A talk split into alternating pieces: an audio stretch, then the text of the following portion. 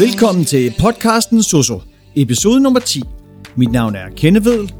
Afsnittet i dag handler om hormonerne fra den gule bog Personlig hjælp, omsorg og pleje, hvor vi skal igennem hormonerne og formålet med dem, hypofysen, skjoldbudskirtlen, biskjoldbudskirtlerne, binyrerne, busbødkirtlen, æggestokkene, testiklerne og så sygdomme.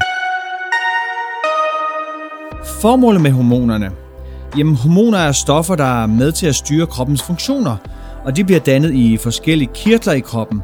Og fra disse kirtler, så sendes de rundt med blodet til de steder i kroppen, hvor de skal virke. Altså, et bestemt hormon, det påvirker bestemte celler og organer i kroppen.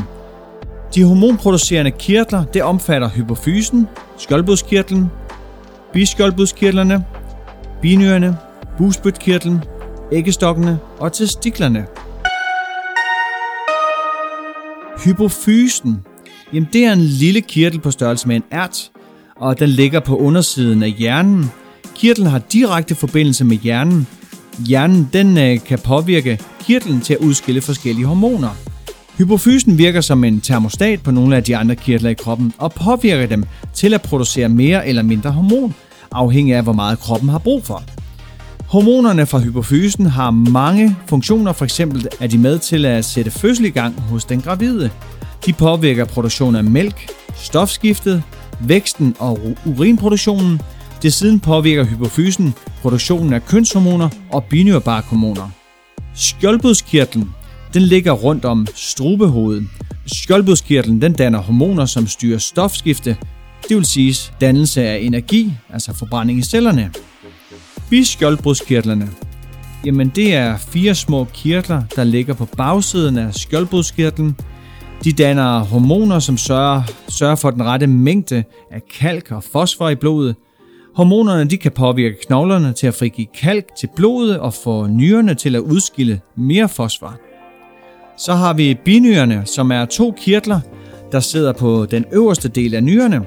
Kirtlerne er opbygget af en kerne, altså en marv og en bark, Binyrbarkens hormoner er med til at styre kroppens salt- og væskebalance. Binyrbarken de producerer også hormonet kortisol, som er kroppens stresshormon, og kortisol det påvirker forbrænding af sukker, fedt og proteiner. Binyrbarken den producerer også en smule mandlige og kvindelige kønshormoner. Og øh, binyrmarven den producerer hormonerne adrenalin og noradrenalin, som er kroppens kamphormoner. De gør kroppen klar til kamp ved at få hjertet til at slå hurtigere, udvide luftrørene og tilføre mere blod til musklerne og frigive sukker fra leveren og musklerne. Så har vi busbødkirtlen, er placeret tæt ved tolvfingertarmen. Den producerer hormonerne insulin og glukagon. Hormonet insulin det er med til at nedsætte indholdet af sukker i blodet, altså blodsukker, ved at hjælpe sukkeret, glukosen, fra blodet ind i cellerne.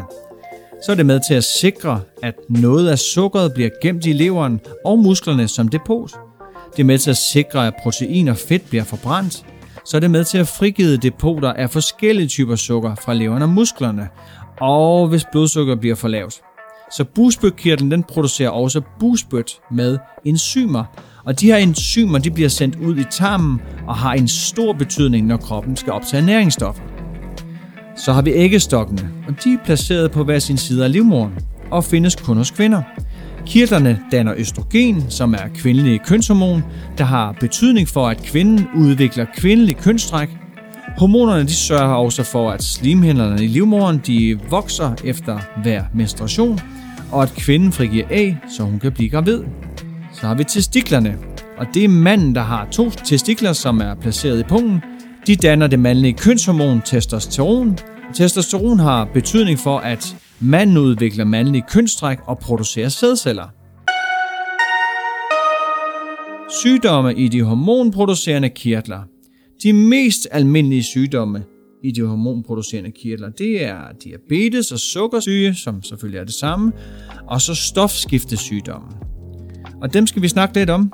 Øh, stofskiftesygdom, det er sygdom, hvor skjoldbruskkirtlen enten danner for mange eller for få hormoner – og når der bliver dannet for mange hormoner, er stofskiftet forhøjet, og det betyder, at kroppens celler danner for meget energi, altså man har en høj forbrænding. Derfor er symptomerne en meget stor appetit, men alligevel et alvorligt vægttab. Af andre sygdomme ses blandt andet uro og nervøsitet, hjertebanken, træthed, rysten på hænderne og varme fornemmelse. Sygdommen den kan behandles med forskellige typer medicin eller operation. Når skjoldbruskkirtlen danner for få hormoner, så bliver stofskiftet for lav, og det betyder, at, at kroppens celler danner for lidt energi, altså man har for lav forbrænding.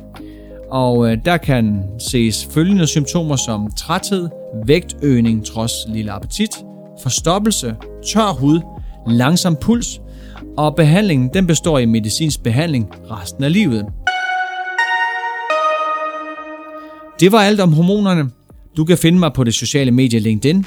Og har du nogle spørgsmål eller forslag til noget, jeg kunne tage op i podcasten, er du velkommen til at sende mig en mail på sososnabelag.positivlivsstil.dk. Vi ses derude, hvor vi ønsker at gøre en forskel.